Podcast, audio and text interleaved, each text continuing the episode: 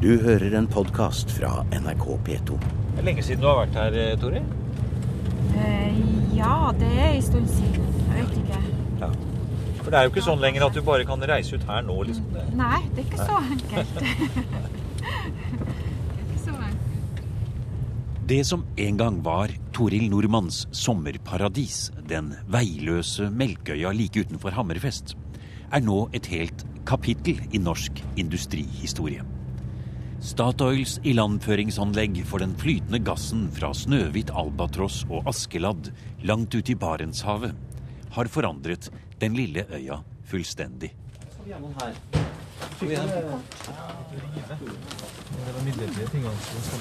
Da skal vi være med deg.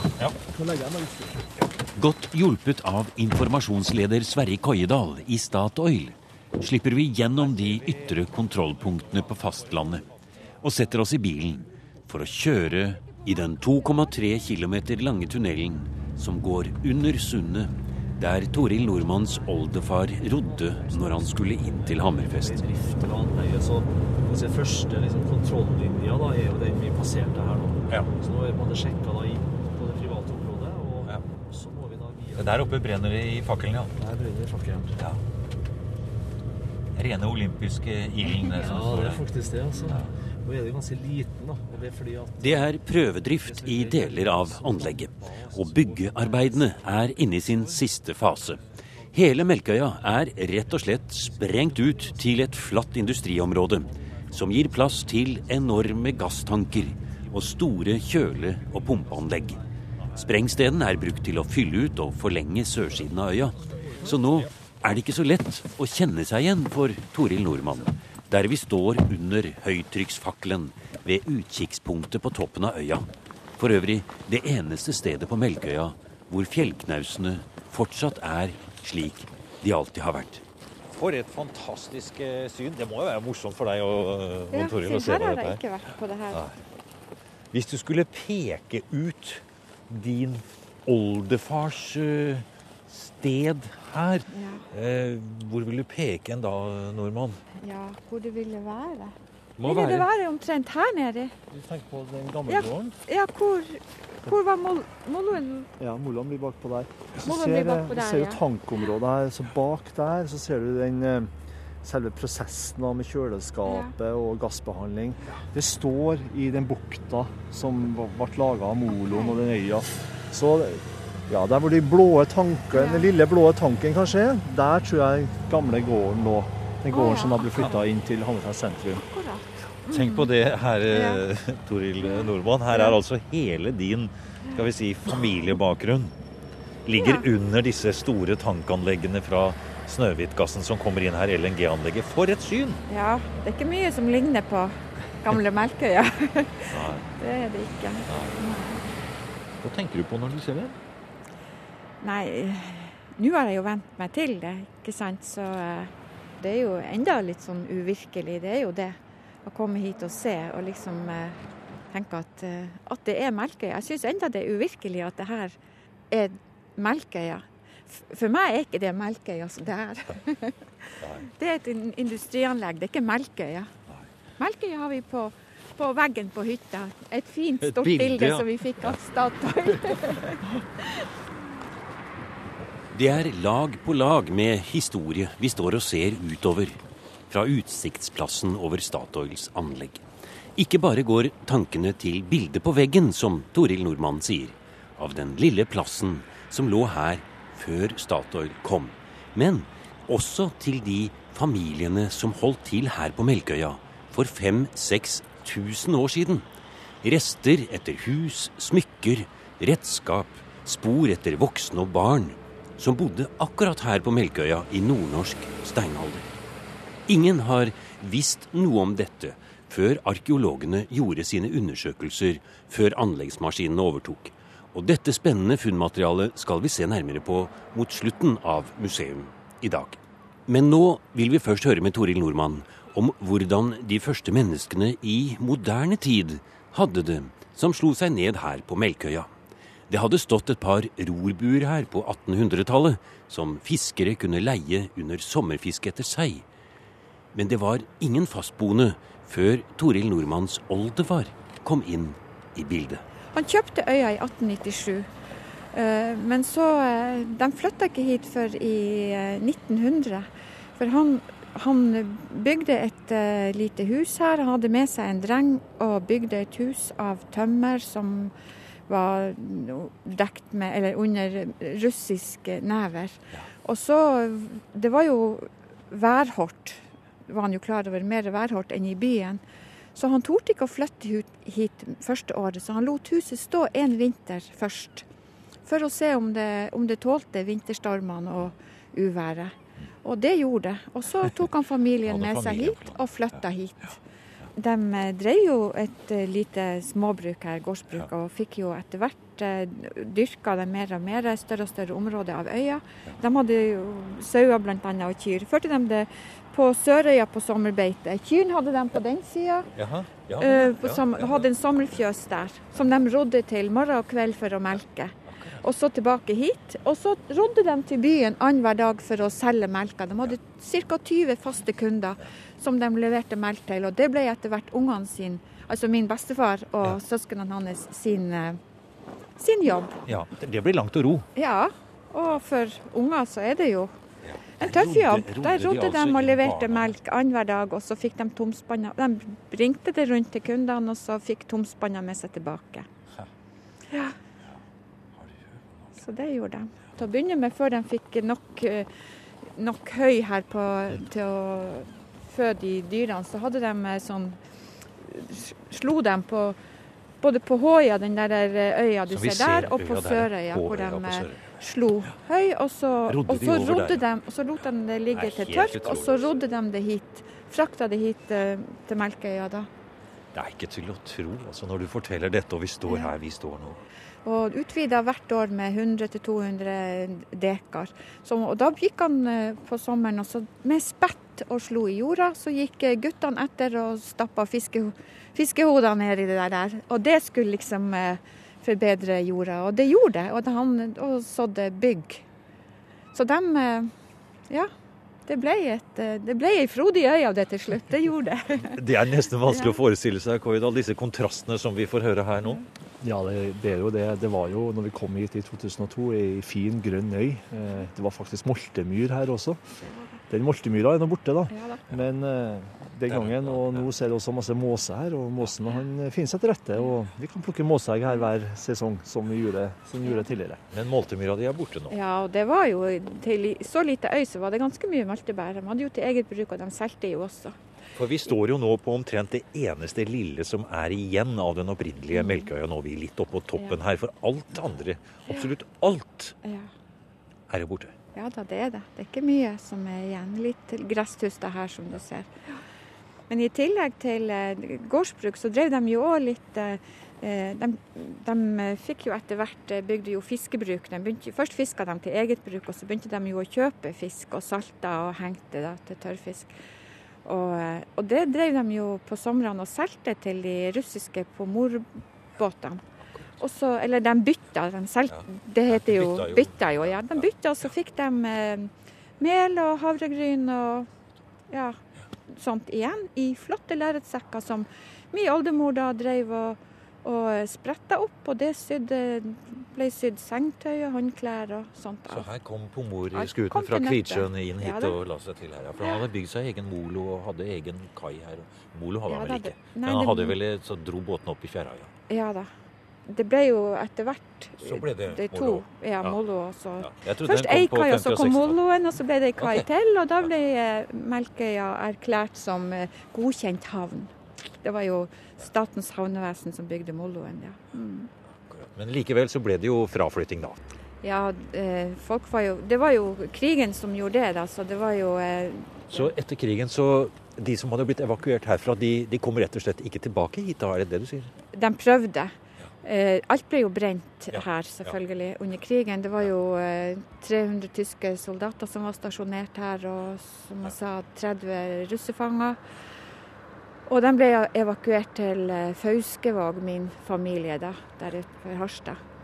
Og så eh, da først når de kom tilbake, det var jo min bestefar og han, min far da, som kom tilbake hit da først for å se. Og da sto det jo igjen de en sånn bunker etter tyskerne som de starta med å lage til bolig, da, med å mure litt og lappe på og la tak over av de kaistolpene som ikke var opprent. Og så spikra de papp over det. Og det var det første de bodde i når de kom, familien kom tilbake. Så da bodde de i det, og han, bestefar min han var fast bestemt på å ville bygge opp igjen og, og drive gårdsbruk igjen, sånn som før krigen, da. Og prøvde jo på det. Minene ble jo fjerna, for det var jo masse landminer som var lagt ned her. 6000 har jeg hørt. Mine. Og det ble jo fjerna, men det var jo også piggtråd overalt. Så det, han ga opp, for at dyrene ble jo sundrevet, og det gikk jo ikke an å gå uten å trø og bli revet. Og det var så mye skader på dyr at han til slutt ga opp og flytta fra øya. Han hadde jo en, eh, ei skøyte òg, så han drev jo med sånn frakt så han fortsatte da med det, og avvikla det her som gårdsdrift. Mm. Og så ble det et uh, sommersted hvor du likte å, ja, å være? Ja, det var det. Og det var et sommerparadis. Jeg tror ikke det fins. Det var ei perle. Så uh, jeg var her alle somrene, faktisk. Og da snakka jeg ikke bare om tre-fire uker. Det var fra den dagen skolen slutta, så sto jeg klar med dukkevogna, og han far, som jeg kaller han for, bestefaren min, han kom og henta meg. Og da var jeg hele sommeren her. Og jeg var jo mye alene unge her da, på den tida, for de som hadde bodd her, de var jo voksne. Jeg brukte jo av og til å ha med meg venninner. Men aldri, jeg har aldri kjeda meg her. Her var bestandig noe å, å foreta seg.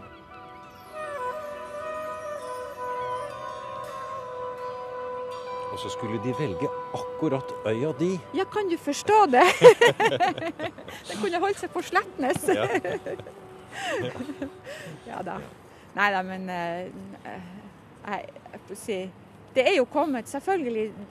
Vi er en liten brikke i det her, og vi skjønner jo det at ikke sant, eh, verden kan ikke stoppes av Det har vært egoistisk av hvis vi skulle liksom stoppe opp det. For det har jo kommet veldig godt Byen har uh, hatt mye godt av det. Og jeg, jeg har jo også etterkommere og barnebarn som nå har fått flotte skoler fordi at kommunen har fått bedre råd og uh, arbeid til uh, Ja, det er jo mer arbeid enn det er folk. så sånn sett så har vi jo fått en velstående kommune som er god å bo i. Ja, det er riktig.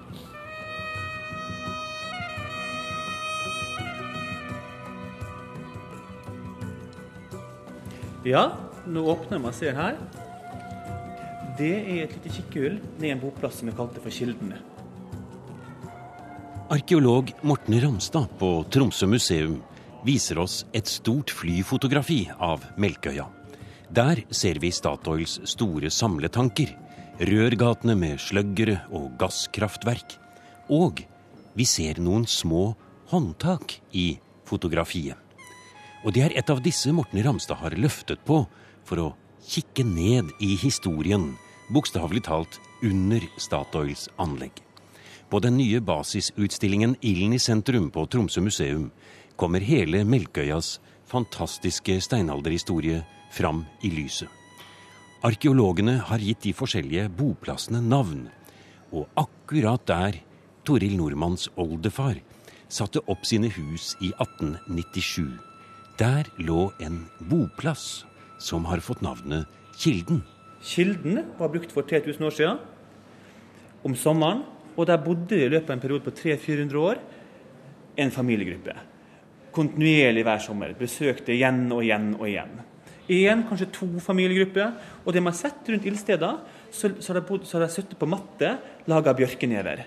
Antageligvis veldig lette boligstrukturer over. Kanskje telt Kanskje en form for gammelkonstruksjon, men, men ingenting permanent. da. Fantastisk materiale her, som viser til jakt, antageligvis på sel, småhval, og samtidig så har fisker vært viktige. Og vi vet òg at det har vært barn til stede. Det har også vært barn til stede, sier du. Og akkurat dette har vi jo hørt om da gjennom de som var de siste som bodde der i, eh, på Melkøya. Eh, med Toril Nordmanns historie. Og det var akkurat her som du har lukket opp dette lokket her nå. For det her var den gamle moloen. Her like inne på dette området her var jo da den siste bosettingen som var på Melkøya noen gang. Ja, og det spesielle er, vi snakker om barn, her fant vi faktisk en liten tyggis som var laga av bjørketjære. Og den må ha en sammenheng med det vi ser på Melkøya i dag. For den bjørketyggisen var laga av never som var tørrdestillert. Altså en prosess der du bruker ild og trekker ut tjæra til olje, som brukes da bl.a. til tyggis, til lim og andre ting. Fantastisk. Eh, Morten Ramstad, du forteller noe med en sånn glød og iver og viser oss Vi står midt i den helt nye utstillingen på Tromsø museum. Eh, nå har du arbeidet med Melkøya-prosjektet i noen år, og skal også fortsette å arbeide med det. Eh, den begeistringen du viser her nå, betyr det at dette har vært et rikt forskningsprosjekt? Betyr det at det her har vært et viktig område for hvem hadde tenkt på å grave på Melkøya før Statoil kjøpte og begynte? Det har vært helt unikt, og det er ingen som har trodd det på en så liten øy. Husk å melke er mindre enn én hektar stor og er eksponert direkte mot Barentshavet, at her skulle vi finne så mye. Så resultatet overraska oss. Men samtidig, uten at vi fant veldig mange gjenstander fra steinalderen, mange hus og andre ting, så fant man en oppsiktsvekkende funn av en kvalitet og en type som vi aldri før har funnet i Norge. Helt fantastisk. Eh, hvis du nå gir oss bare et sånt kort riss nå. Melkøyas historie i stenalder. Var det en streifende familie som kom innom her, slo seg ned der i noen generasjoner og så forsvant igjen? Var det flere som var der over lang tid? Når kom de første menneskene hit til Melkøya? Det jeg skal fortelle da, På Melkøya så kom de første mennesker i den tidligste pionerfasen av eh, kolonisering av Norge. Så det man kan si er at For rundt kanskje 11 000 år siden så kom den første familiegruppen hit. Da har det vært et opphold som har vært veldig kort. Kanskje har vært det en dag eller to. Det eneste vi har, vi har litt pilespissans som vitner om jakt over en veldig begrensa periode. Og så i løpet av de neste 4000-5000 åra så ser det ut som de har brukt melka kontinuerlig. Men kanskje primært om sommerstid. Vi har få ting som tyder på vintertidsbosetning. Det vi ser, derimot, er for rundt 6000 år siden, ved overgang til yngre steinalder, så vitner om at det skjer drastiske endringer i bruken av øya.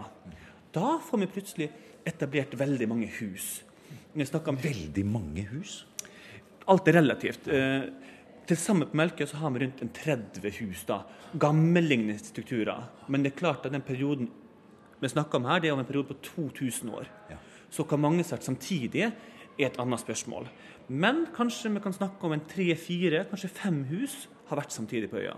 Og det er i den perioden hvor du da som arkeolog mener at nå begynte man å bo her hele året, også i mørketiden?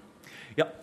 Lengden på bostedet om sommeren syns jeg er vanskelig å snakke om, men det som er tydelig, det er at han bodde her over lengre perioder på vinteren og i mørketida. Og vi kan tenke oss her er ei øy som ligger så eksponert til for vær og vind. Og tenk deg folka her. De har gått ut i mørket, i mørketida, i vinterstrøm på, på, på Melkøya og klart å høste. De har klart å ha den stabiliteten i ressursgrunnlaget. Så det sier noe om både en kultur som har hatt en ekstremt utvikla teknologi, men også selvfølgelig en samfunnsform som er veldig fjern fra vår. Ja. Akkurat da så tror dere også at da ble hele Melkøya avskoget? For det har vært trær over det hele? Ja. Når vi går langs Finnmarkskysten i dag, så er det jo treløst. Men sånn var det ikke i eldre steinalder. I den varme perioden så var det ganske mye bedre klima.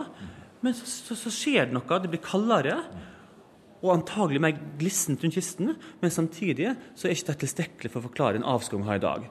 Og det vi ser på Melkøya fra botaniske undersøkelser, det er at det er en veldig veldig oppsving i trekullstøv fra øya, fra ildsteder. Og det er et totalt fravær nærmest av pollen fra lokale bjørketrær. Og Dette forklares av palmbotanikere ved at antageligvis mennesket har avskoga den lille øya. Og det skal ikke mange familier til før du har brukt det ressursgrunnlaget som er av trevirke på den lille øya. Og når vi i tillegg vet at det er kun bare to små viker der du kan samle rekeved, så det er klart det ville fått store konsekvenser for den vintertidsbosetninga. Men hvorfor fortsetter de å bo der da, Ramstad? Ja, og det vi ser da, det er at det skjer en endring i måten du utnytter energi fra ildsteder. Dette skjer ikke bare på Melkøya, det skjer i nordområdet for øvrig òg, men på Melkøya var dette en forutsetning for å opprettholde bosettingen. Det som skjer, er at du får nye typer utested som vitner om en helt ny måte å utnytte energien på. Og det en gjør, en fyller det ildstedet her med store steiner. En teknologiutvikling kan vi kanskje kalle det, eller er det å trekke det litt for langt? En kan kalle det helt klart en teknologiutvikling. Det er en ny type teknologi som en tidligere ikke hadde. Eh, det kan òg komme at en tidligere ikke hadde behov for det. Så det kan godt hende kjennskapen før, men det var, det var, først nå det var behov for den type teknologi. Og Det er jo ikke mange steder i verden hvor man utvikler energiteknologien mer enn akkurat på Melkøya i dag, da, med LNG-gassen. Nei, og der ser vi en eh, ikke, Det er ikke det samme, men det vi ser, at det er Kanskje vi kan si at de steinene her representerte steinalderens høyteknologi. Men den var delt til hele samfunnet. Det vi ser i dag, det er vår tids høyteknologi, som er ekstremt spesialisert, og selvfølgelig er fordelt på veldig få personer. Heia. Nå som vi har inntatt helt nye landområder, skal vi prøve å se litt på hva slags vær vi kan forvente oss de neste 10 000 årene. På en TV-skjerm kommer en moderne værvignett og en værdame fram foran et kart over Norge. Isen har så vidt begynt å trekke seg tilbake, så her kommer værvarselet for de neste 10 000 år. Og et råd til alle dere som har tenkt å investere langsiktig i eiendom. Pga. den pågående landhevninga fraråder vi kjøp av strandtomt. Det å presentere steinalderhistorien for en målgruppe på 10-16 år er en øvelse norske museer har strevd ganske mye med til alle tider. Men nå har det skjedd noe her på Tromsø museum.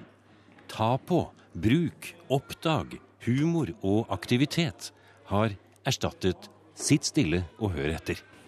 Ja, Det vi har eh, tenkt å gjøre, istedenfor en sånn vanlig steinarutstilling der du forsøker å fortelle en lang historie fra de tidligste mennesker og gjennom steinalderen, som har forlatt det prinsippet. Isteden har vi tenkt eh, som så at vi skal utforske ett tema. Og temaet skal være bruken av ild til energi, oppvarming og den sosiale konsekvensene det hadde.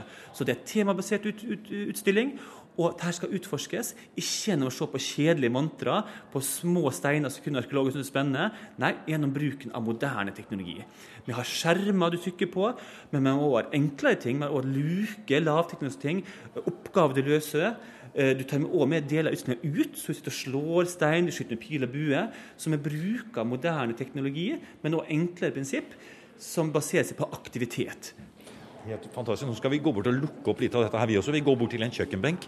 Og selvfølgelig så er dette kjøkkenredskaper før og nå, som det står. Og her ser vi en vanlig nær sagt kjøkkenbenk fra Ikea, hadde jeg nær sagt. Og Forskjellen er at her, så, her har vi f.eks. en skje. Den er skrudd fast i kjøkkenbenken, og så er det et lite beslag.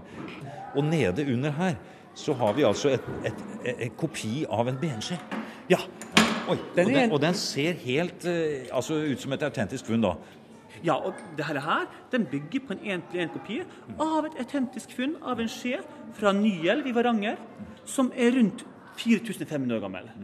Og den øksa her vil normalt, da, hvis vi ser en økse i monter eh, Det er en original økse er 5500 år gammel for Melkøya. Og da er det bare stenmaterialet som er bevart? Som og den vil være grå og slitt. Her så får du en knall olivenblå farge fram. Og kjenn her, nå tar jeg på eggen her. Veldig sylskarp. Og kjenn tettheten i øksa. Det er jo kjempeskarp og glatt, fin, veldig bra. I tillegg til å ta og holde i, er det også mulig å bruke eksakte kopier av stenalderfunn på Tromsø museum. Ja, og det er hele poenget. En skal ikke bare se den fantastiske beinkammen eller kammen av gevir, reinsgevir, i en monter.